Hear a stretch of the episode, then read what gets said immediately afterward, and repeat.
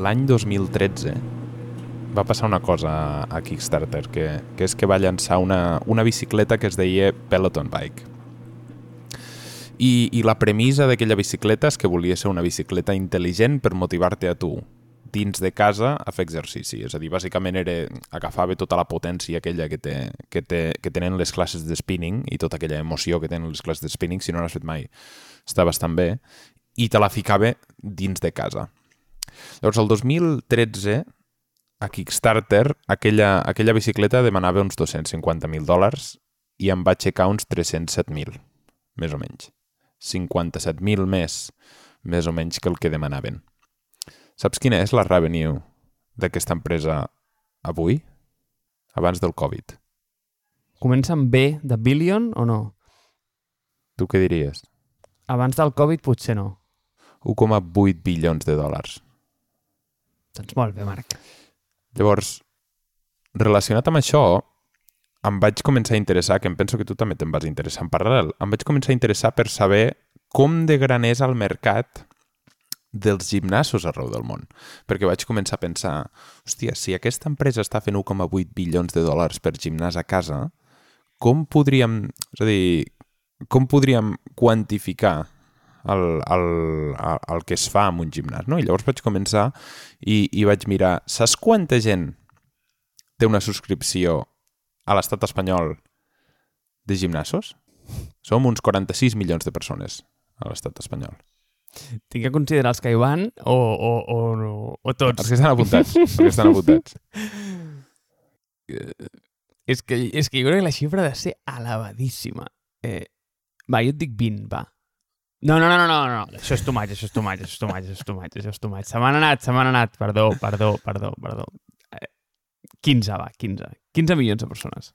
5 milions de persones, un 11% de la població. Vale. A veure, Marc, no, no podem ser 15 perquè vull dir, si, si comences a comptar um, gent més gran de tal, gent menys tal, no? bueno, sigui com sigui. Alemanya? Alemanya són, què, uns, uns 60, 70? Mm, és, eh, crec, crec que són el doble que nosaltres, eh? Et sorprendries, eh, els alemans, tio, com, com es reprodueixen? 80, bueno, també és més gran. Quan diries, més o menys? És més gran, en extensió no gaire més, eh, nano? Segur que sí. Mira el mapa, xato, mira el mapa. Després ho posarem. Bueno, sigui com sigui. Vale, vale. 11 milions de persones. Llavors, a Espanya és un 11% de, de la gent, a Alemanya és un 13% de la gent, i als Estats Units quanta gent diries? Digue'm un percentatge, si vols. Vale, als Estats Units sé com quan generen les membresies, o sigui, les afiliacions de gimnasos, però no et sabria dir quanta gent. Eh, igual a, a través d'això, si fes una divisió ràpida ho tindria, però és que són números molt grans i se me'n va. Però, a veure, allà són, no sé, va, eh, 90 milions de persones, va. 64 milions de persones amb un 20% de la població. Llavors, el que això et diu és que més o menys un 15% de la població de cada país està apuntada en un gimnàs de, de la societat occidental, perquè vull dir, hem, hem creat el business, el, el fitness, que d'això en parlarem, com un culte, i llavors estem parlant de que és un negoci a uns 30 dòlars la subscripció, de quan? Uh, bueno, depèn del país, evidentment, però què genera això? 2 bilions de dòlars, 3 bilions de dòlars al mes? És una puta bogeria. I això només... És una. A, a diferents països. Llavors, el que és curiós dels gimnasos, i, i ja abans d'entrar en matèria, és que els gimnasos tenen un model que només s'aguanta... És a dir, el, el model econòmic del gimnàs s'aguanta per la gent que no va al gimnàs. És a dir, si tota la gent que pagués anés al gimnàs al mateix moment, el gimnàs es col·lapsaria i tothom es desapuntaria perquè no podria fer les màquines. Llavors, el gimnàs o el model de negoci del gimnàs s'aguanta per tota la gent que s'apunta l'1 de gener i ja no hi va més durant l'any perquè et fan supercomplicat uh, cancel·lar. I si vull ficar una, un apunt aquí, Només, només m'agradaria apuntar que estic super en contra de les inscripcions, de les, uh, de les matrícules i de les uh, primeres cites són més cares quan vas al psicòleg o quan vas a, a, a, al metge o quan vas a no sé què, perquè penses, si em donessis un bon servei, primer, la primera cita és la pitjor de totes, i dos, me les hauries de cobrar totes igual o la primera gratuïta. Però bueno, això és un, és un aside. Llavors, aquestes empreses que estan sortint ara pensen, hòstia, què passaria si poguéssim capitalitzar amb això? I ja que la gent odia moure's d'un lloc a un altre, i la gent odia estar amb gent, i, i, i sobretot quan estàs suat i, i hi ha tots aquests ambients així una mica tèrbols, què passaria si poguéssim capitalitzar això, fer-ho al teu lloc, que és a casa teva? I Uh, és a dir, crear un model de negoci de, de potencialment 2 bilions de dòlars al mes només als Estats Units. Llavors, clar, aquí comencen a sortir uh, empreses com a, com a xurros i d'aquí surt Peloton, surt Apple Fitness Plus, d'aquí surt no? totes aquestes empreses que van sortint. I d'aquí surt una història apassionant que mm, potser la toquem després, que és el 7 Minute Workout una aplicació que uh, s'acaba venent per milions d'euros d'un tio que la va fer en un cap de setmana no, de fet, en una nit. Hi ha un article a, a internet que t'explica com la va fer en una nit, la va ficar i la va acabar venent per dos o tres milions d'euros. Llavors, d'aquí neix tot aquest pum. Una, una, una cosa, tu molt ràpid has dit que, perquè jo crec que tu no ets usuari de gimnàs, oi? Jo no sóc, però tu no ets, oi? No, jo tampoc. Ho era, ho era abans. Vale. Tio, jo crec que a Collserola hi ha, hi, ha, hi ha millors màquines. És que t'explicaré una història, jo. O sigui, ho, ho, estàvem, estàvem a Lleida i, i hi havia un, un gimnàs que es deia el, el Dinamis. Uh, i, uh, el Dinamis era el gimnàs més cutre de, de Lleida, era el més barat, i clar, no teníem diners, i llavors anàvem al Dinamis, que valia uns 15-16 euros al mes. I, i, i bueno, el Dinamis va tancar i va obrir a un altre lloc que es deia Angelus. I jo ja m'hi havia desapuntat, i tal, havent de trucar, vaig haver de trucar per desapuntar-me. Llavors, al cap de dos anys, van obrir aquest Angelus i, i estàvem un dia sopant a casa d'uns amics i, i aquests dos cabrons em diuen eh, tio, va, demà anem al gimnàs, et passem a buscar a les 7 del matí per casa. Clar, jo no em despertava mai, tenia classe de tardes. Et venim a buscar a les 7 del matí per casa i anem, anem al gimnàs. Total, que a les 7 del matí l'endemà vam acabar a les 2 i mitja o a les 3 aquell sopar. A les 2, a les, a les 7 em venen a buscar, anem tots cap a l'Àngelus, arribem a l'Àngelus i em diuen, hòstia, has de pagar matrícula. I clar, dic, hòstia, matrícula? I em diuen, sí, són 3 mesos de matrícula i llavors tens el primer gratuït. Tres mesos eren 60 euros de matrícula. I vaig dir, bueno, d'acord, doncs vaig a pagar els, els 60 euros. Vaig anar al banc, vaig treure els 60 euros, els hi vaig donar a la, a la senyora, em van apuntar, vam entrar i allò, perquè te'n facis una idea, com m'imagino jo un, un gimnàs a la presó de Lladoners, aquell era el gimnàs. Totes les màquines gastades, tot fet una merda, tot de gent així eh, amb pinta d'expresidiari, 7 del matí. Totes les taquilles amb les portes que no tancaven bé, tot així molt ronyós, saps? Que eh, acaba d'obrir el gimnàs però ja tenen fongs a les dutxes i, i vam fer una hora d'exercici i ja no hi vaig tornar mai, mai, mai més de la vida. És a dir, em va costar al gimnàs més cutre de Lleida 60 euros. És a dir, jo sóc la prova irrefutable de com funcionen els gimnasos. No exactament, crec que ets la prova irrefutable de que abans d'apuntar-te, igual fer-li una visiteta no està del tot malament. Estàvem... No, és que no ho pots entendre perquè estàvem amb el hype entenc. Entenc, entenc, entenc, entenc, entenc, entenc, entenc. No, no, doncs eh, t'anava a dir que molt ràpid has descartat tu aquesta idea de que la gent no li agrada anar com, com a la classe de spinning i veure altra gent suar. Estic d'acord que quan ho dius així et diria que sí que hi ha com, aquesta, com aquest despreci al col·lectiu, però d'altra banda és com que la gent diu que li agrada treballar per casa. O sigui, tio, deixa'm que et digui, xato, però la gent li flipa anar a l'oficina a fotre el, el, el marujeo. O sigui, tio, li agrada molt anar a la font d'aigua, tio, a fotre la xerrada de, de què va passar al, al, al Barça Leganés d'ahir per la tarda, saps? Bueno, eh... i, i, i més que... O sigui, el, el que jo descarto, i, i no són les classes de spinning, perquè una de les coses més interessants del gimnàs és que tens alguna persona que uh, val i et fa la classe de spinning davant teu, el problema són les classes de... o no les classes de spinning, quan vas amb màquines i et surt el tio tot suat que es treu la tovallola, que deixa la màquina fent una puta merda i llavors has d'agafar la seva pesa i, i t'has de sentar en aquell banc que està tot moll, dius, això és un fàstic, ho faig a casa abans. I, sobretot, si no necessites equipament. I d'aquí és on neixen totes aquestes aplicacions. Llavors, deixa'm que t'expliqui la història un moment, i llavors tu entres i em dius, i em dius um, competidors, fitness, una mica de peloton... Però la història és molt ràpida. L'hem explicat una mica, no? Llance a Kickstarter, llancem un vídeo de 4-5 minuts, i a mi el que em sembla apassionant d'aquesta història és que el vídeo està bastant ben fet per l'època, no? 2012-2013, eh, portàvem eh, iOS 7, eh, havia estat llançat feia, feia poc, però estava bastant bé, està bastant inspirat amb Nike, no parlen pràcticament del producte, parlen del lifestyle que ells volen cultivar, que és fer, um, fer, no? fer, fer exercici a casa, i evidentment estem parlant de Peloton, uh, una, empresa, una empresa americana.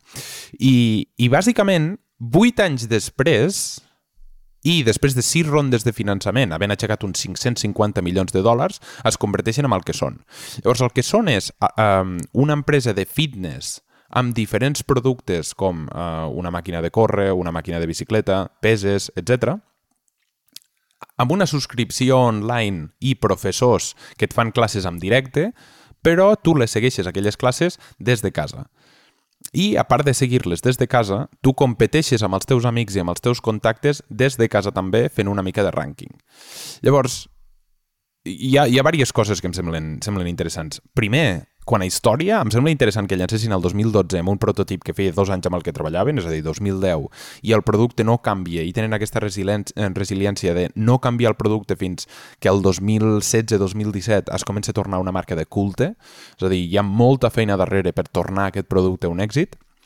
La segona cosa que em sembla interessant és el, el fet de capitalitzar amb fer fitness de qualitat a casa amb productes de qualitat.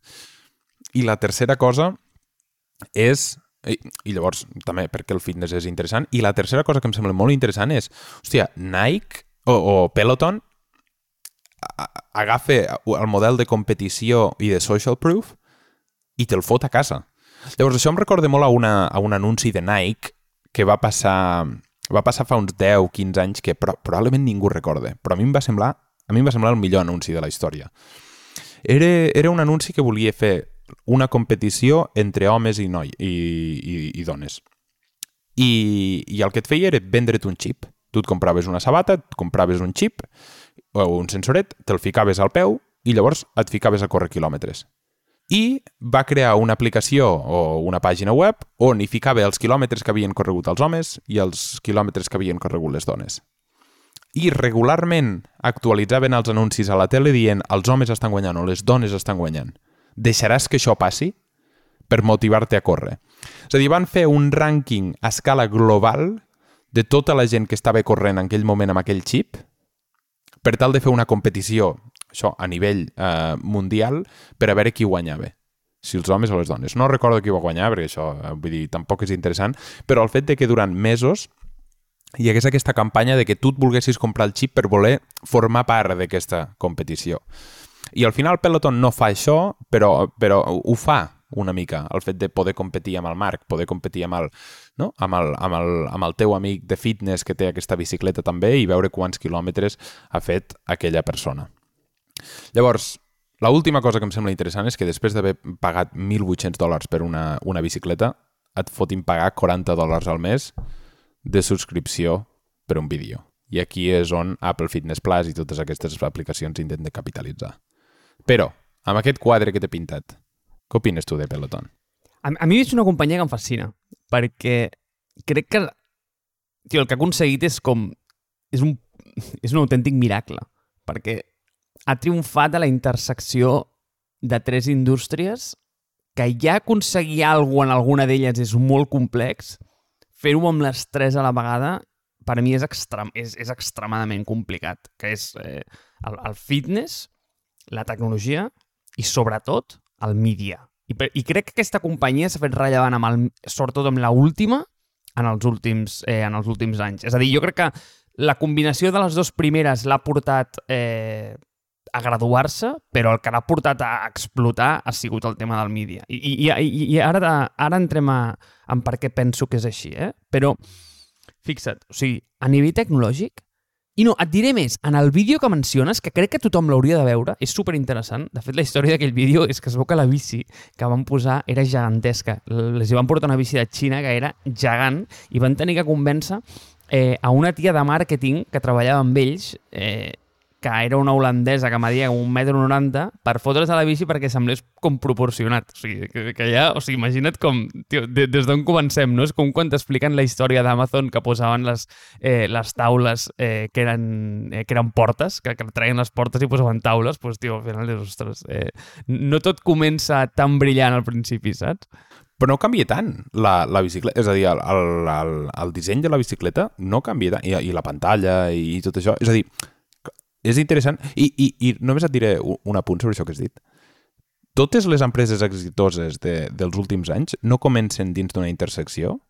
Absolutament sí, perquè crec que és on està el, eh, bueno, anem a dir, no et diré laminador, però una mica com el, quan fas el diagrama de vent d'aquestes i no t'especialitzes a aquest nivell, sinó que ets bastant bon en diferents coses, eh, penso que tens un, un, un posicionament molt, molt, molt, molt, molt únic. Eh, el que passa és que també aquí tens un, un bias retrospectiu bèstia, un biaix, perdó, eh, de que veus com que les que triomfen estan a la intersecció, però igual hi ha moltes que estan a la intersecció que també no triomfen, vull dir que igual és difícil fer-ho, eh? però, però bueno, o sigui, no, no, no, no ens quedem en aquest tema. Per mi, el, el, el tema que és, que és interessant és, en el mateix vídeo, o sigui, és increïble com si tu et fixes, toquen en les tres potes del negoci. És a dir, t'expliquen primer l'entrenament, després la producció televisiva i després la fabricació del hardware i l'escala digital que li volen donar. O sigui, tenen claríssim això des del principi, i és com tu dius, no? Han sigut extremadament consistents amb el model de negoci. I mi, i a mi això em sembla espectacular, eh, perquè han tingut una visió fèrrea i han allà com uns animals, no? i han sabut, eh, han sabut executar d'una manera brutal. Eh, aquesta és la primera. Eh, que jo, jo crec que és interessant. Segon, sobre el tema del vídeo de Nike, que has dit, i tocant el vídeo, tio, jo, jo tenia el xip aquest, Ramon. I de fet, no només això, tenia les bambes de Nike que li podies posar el xip a sota la sola i tenien un foradet on entrava exactament el xip, tio. Sí, sí. Eh, no recordo si van guanyar els homes o les dones, eh? Després ho mirarem, si vols, però, però, però, però, però, però és interessant. Llavors, eh, de la història de Peloton, a mi el que em sembla més interessant de tot és el background del fundador. És a dir, tu penses en aquest fundador que ha de ser, pues, no sé, tio, eh, un triatleta que vol fer quatre calés, eh, no sé, un un celebrity de, de la tele vingut avall, tio, així. I és un paio que no té experiència de res en això però de res. És un tio que va créixer com a la, eh, a la, costa, eh, a la costa est, 40 anys, fills, endeutat, casat, mmm, amb cap tipus d'experiència tecnològica, i això li va sortir com de... Tio, la frustració... És que són molt guais les històries fundacionals, tio. Li va sortir com de la frustració perquè veia que la seva dona anava a les botics aquestes, que són com classes d'estudio eh, de, del, del barri, i les bicis volaven, no? I la seva tesi era, tio, si 50 bicis o, o 24 bicis volen en una cantonada de Brooklyn, què passa si això ho escalo a país, no? Eh, i, I ara dius, hòstia, clar, no? Té molt sentit, però, eh, eh, o sigui, no era tan clar al principi, això, eh? O sigui, no, no era tan evident. Bueno, i és la idea que a mi m'agrada molt, que és... Ara, ara mateix tenim a, a, a, a... Quants instituts hi ha a Barcelona? 200 instituts que hi ha a Barcelona amb 200 professors de matemàtiques fent 200 classes de matemàtiques totalment, totalment diferents. Què passaria si agaféssim el millor professor d'institut en català fent matemàtiques i féssim servir els 199 restants per fer seguiment de la millor classe de matemàtiques de Barcelona i se'ls hi donés a tots els alumnes, uns 200 per 3, uns 6.000 alumnes, se'ls hi donés la millor classe de Barcelona i els altres els apoyessin i els ajudessin a entendre el que el, el, el millor matemàtic de Barcelona o el millor professor de matemàtiques de Barcelona diu. Això és una mica el que és el fitness, és a dir, um, fitness, uh, el dir gràcia pot ser molt diferent al fitness dir maragall, perquè el tio, uh, m'entens, uh, l'acaba de deixar la seva parella i està cremadíssim i no sé què, saps? I, i en canvi l'altre és un tio que motiva moltíssim i, i, i et fot córrer i et fot, i et fot ganxo. Però mira, veus, aquí et dono el contrapunt de l'educació, perquè és exactament el mateix. És a dir, que per mi Peloton i vaig a ser molt dolent perquè Coursera és eh, simplement et gravo la classe i te la poso online, ¿vale? no té com el hype que hi ha al voltant i l'experiència que hi ha al voltant, però al final Coursera és, t'agafo els millors cursos de les millors universitats i te'ls escalo amunt. Eh, llavors, tens millors experiències que aquestes i, i pots veure coses més ben fetes. Eh, però aquesta idea de des d'un sol estudi estic servint a milions de persones a que s'enganxin en una classe, a mi em sembla impressionant. I, I ara ho veus una obvietat, perquè ho fa tothom. I això et diu molt sobre les tendències de consum modernes, no? I a mi el que, que m'agrada pensar de Peloton és, per què Peloton? Per què ara? Saps? I com quines idees reflexa o explica de, de, de la societat actual. És a dir, què ens està dient dels nostres patrons de consum? Què ens està dient de com entenem el fitness? Per exemple, diu, sortir a córrer fa mm, 50 anys, o sigui, et preguntaven si et perseguia algú. Li, li, literalment. A vegades em trobo a l'Artur Mas, a Collserola. Va, nen, és que Collserola és una... Tio, és un... És un atractor de celebrities. Però jo penso que acabes de tocar aquí amb un punt molt clau, que és... És a dir, com pot ser... Eh, jo penso que la intersecció de Peloton funciona perquè toquen en un punt totalment rellevant, i sobretot amb el Covid, eh, que no, no volem estar en contacte amb la gent i tant. I, a part, som certs que... T'has fixat? Eh, És una de les coses que m'agrada més al món, pensar que la raça humana són virus. Són virus que ens reproduïm per eh, rebentar el nostre sistema i el nostre ecosistema per al final morir, perquè vull dir, sabem que quan rebentem la Terra morirem, però no tenim un incentiu prou gran com per no rebentar-la la Terra. Per tant, no? estem fent totes les coses com menjar i produir carn, moure-la d'un punt a l'altre del món, etc. Però la cosa a la que anava és com, és a dir, quan tu analitzes el, el mercat on està, on està Peloton, que és el fitness, penses eh, que, que és on anaves. Com pot ser que fa 20 anys el fitness i les sabates de córrer, etc fossin unes comoditats i ara una de les millors empreses de la història, eh, sobretot en màrqueting, és Nike, i el fitness és tan important i tan rellevant a tots nosaltres. Això em recorda, i, i l'explicaré molt ràpid aquesta història, em recorda la història de les dents. A la Primera i a la Segona Guerra Mundial ningú rentava les dents als Estats Units. I es van fer molts anuncis dient-te el bo que era rentar-te les dents, no? com també se'n van fer aquí de el bo que era fer exercici. Fins que va arribar un tio i va dir no, saps com farem el millor anunci per rentar-te les dents? És que la persona tingui una experiència perquè recordi tenir renta, eh, perquè recordi rentar-se les dents. I aquesta experiència serà passar-se la llengua per sobre de les dents. I els anuncis eren passa't la llengua per sobre de les dents. Si no està llis, és que està brut. I la gent es va començar a obsessionar amb aquest fet. Que no és necessàriament cert, no cal que estigui llis. De fet, que estigui llis és mm, probablement dolent, perquè vols una mica de sarro per protegir el, les dents i tal. Però el fet de que la gent agafava i deia, hòstia, deixa'm passar el d'allò sobre les dents, no? Fem-ho tots. I dius, hòstia, està llis o no està llis, me les hauria de rentar, noto alguna cosa rugoseta. I el fitness va ser el mateix. El fitness no va ser hem de fer fitness, hem de fer exercici perquè és bo per la teva salut, menja 5... O sigui, per això el, el puto drama de les menja les 5 peces al dia que ningú fa, menjar les 5 peces al dia. Però en Pic vam dir que això primava i en Pic vam dir que eh, el model i la model eren més guapos quan estaven més fitness, ep, ep que les ventes de leggings van començar a pujar. Ep que les malles eh, de compressió de la part de dalt van començar a pujar i com vam començar a veure tots els models forts, i com vam començar a tenir aquesta marca de la persona perfecta i de l'Hèrcules, eh, vam començar a pensar, ep, potser el fitness és important. I llavors d'aquí comencem a mirar alternatives sobre com fer fitness de manera, de manera, no? de manera, de manera fàcil i de manera ràpida, i comencen a néixer el 7-minute workout. I dius, hòstia, però no em vull moure el gimnàs. Peloton hòstia, però Peloton és molt car i vull classes a casa, perquè les classes són el més engaging de tot, Apple Fitness Plus. I d'aquí comença a néixer tot, aquesta, tot aquest ecosistema de el fitness és important.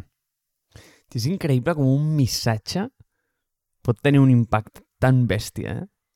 De fet, i a més és com una cosa molt senzilla i molt subtil, però quan ho has dit el primer que he fet ha sigut passar-me la llengua entre les dents. Ja t'he vist. Sí, Ja. per sobre les dents. Sí, és que però m'ha sortit instintiu i he pensat, uau, Marc, ets víctima d'aquesta merda. O sigui, sí, inevitablement, encara que et pensis que, diu que ets un outlier o un monjo tibetà, o sigui, és igual. O sigui, estàs, estàs enganxat igual que tothom. És increïble, eh? És increïble, però amb això estic absolutament d'acord. Eh?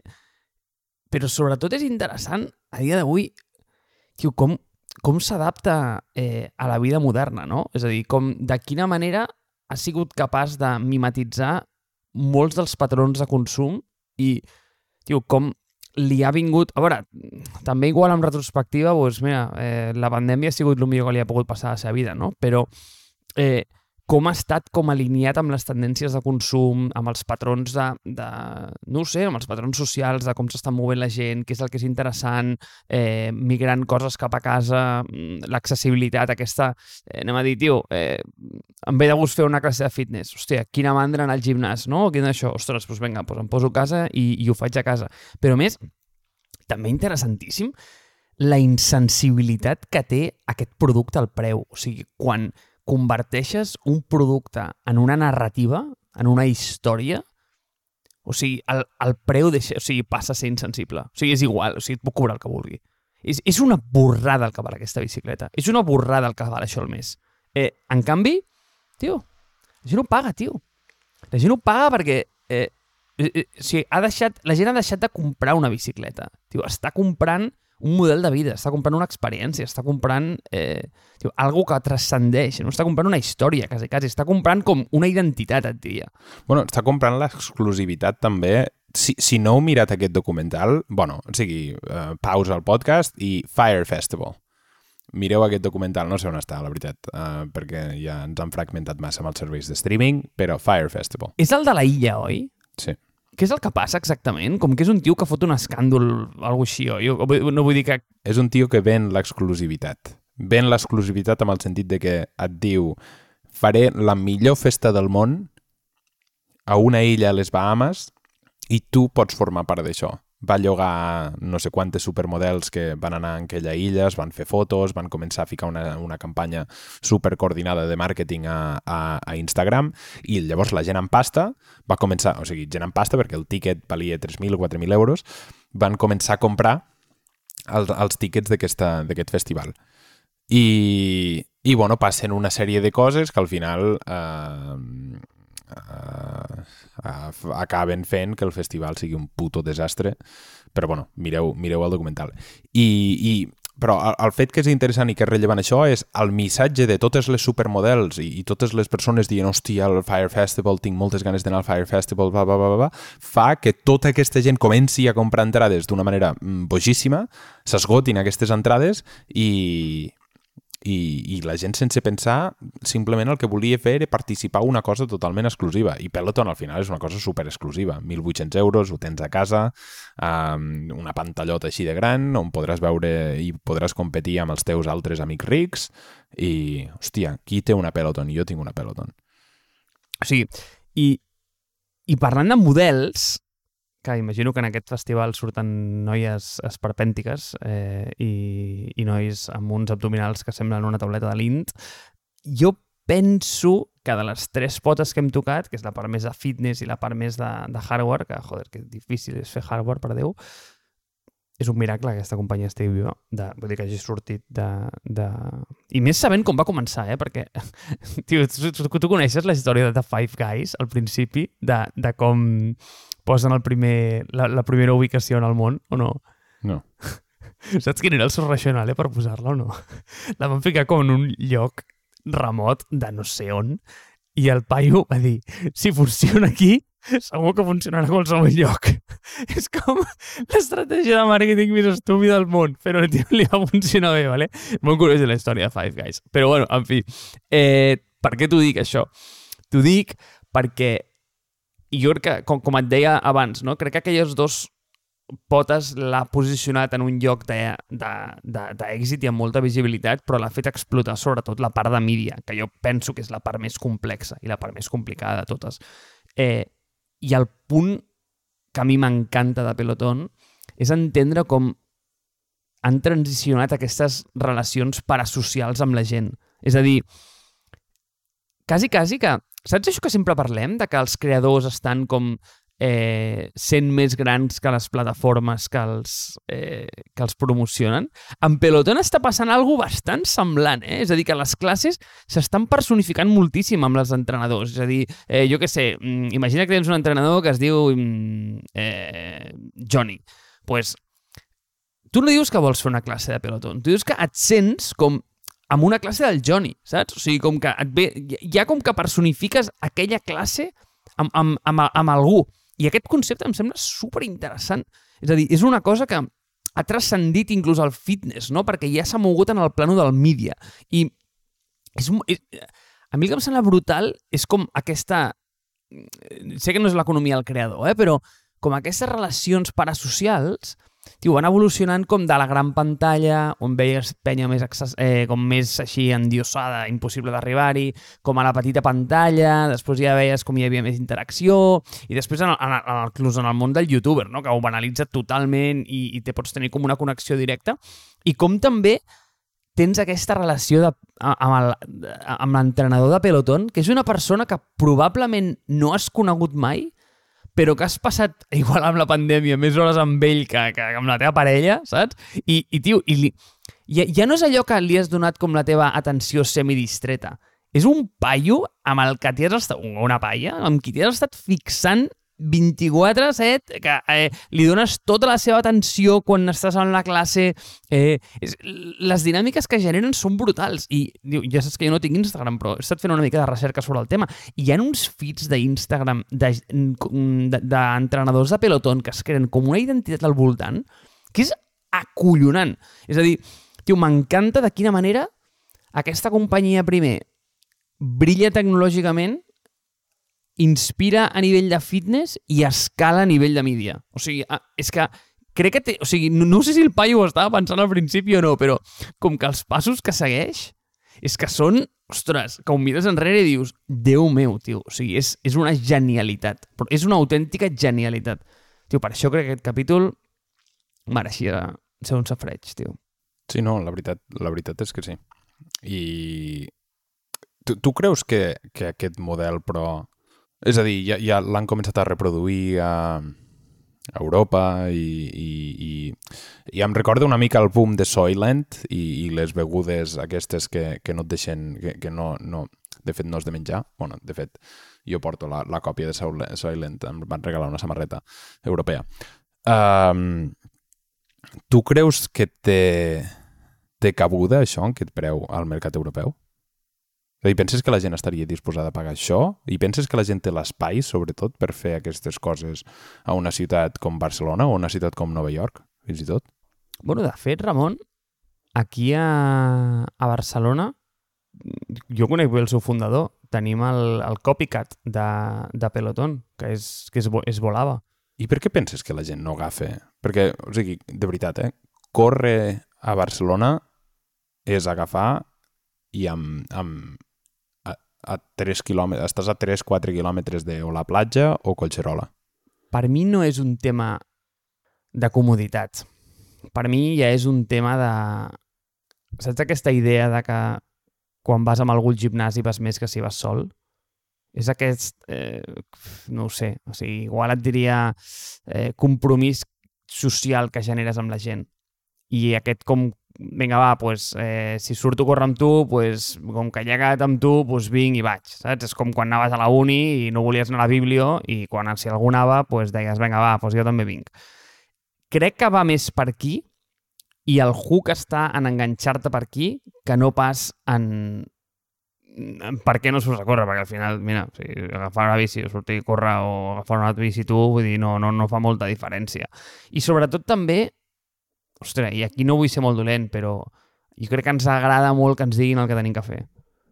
I sembla com que ho estem fent correctament. I si a sobre eh, veus que hi ha molta altra gent que també ho està fent, sense aquesta validació...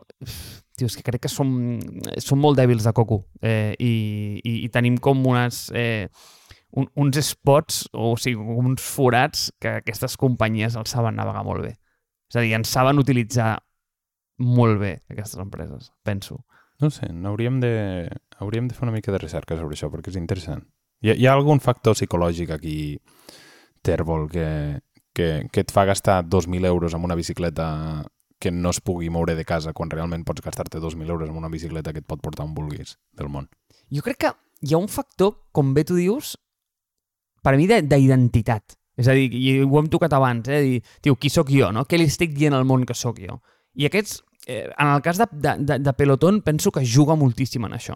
Hòstia, però, però el, el, el, la marca social que tu et pots crear al comprar-te una bicicleta de qualsevol marca i dir, mira on he arribat, mira, he, anat a la carretera de Tossa de Mar a no sé on i mira quina fotaca acabo de fer o mira quin blog acabo de fer sobre el meu viatge per Àustria.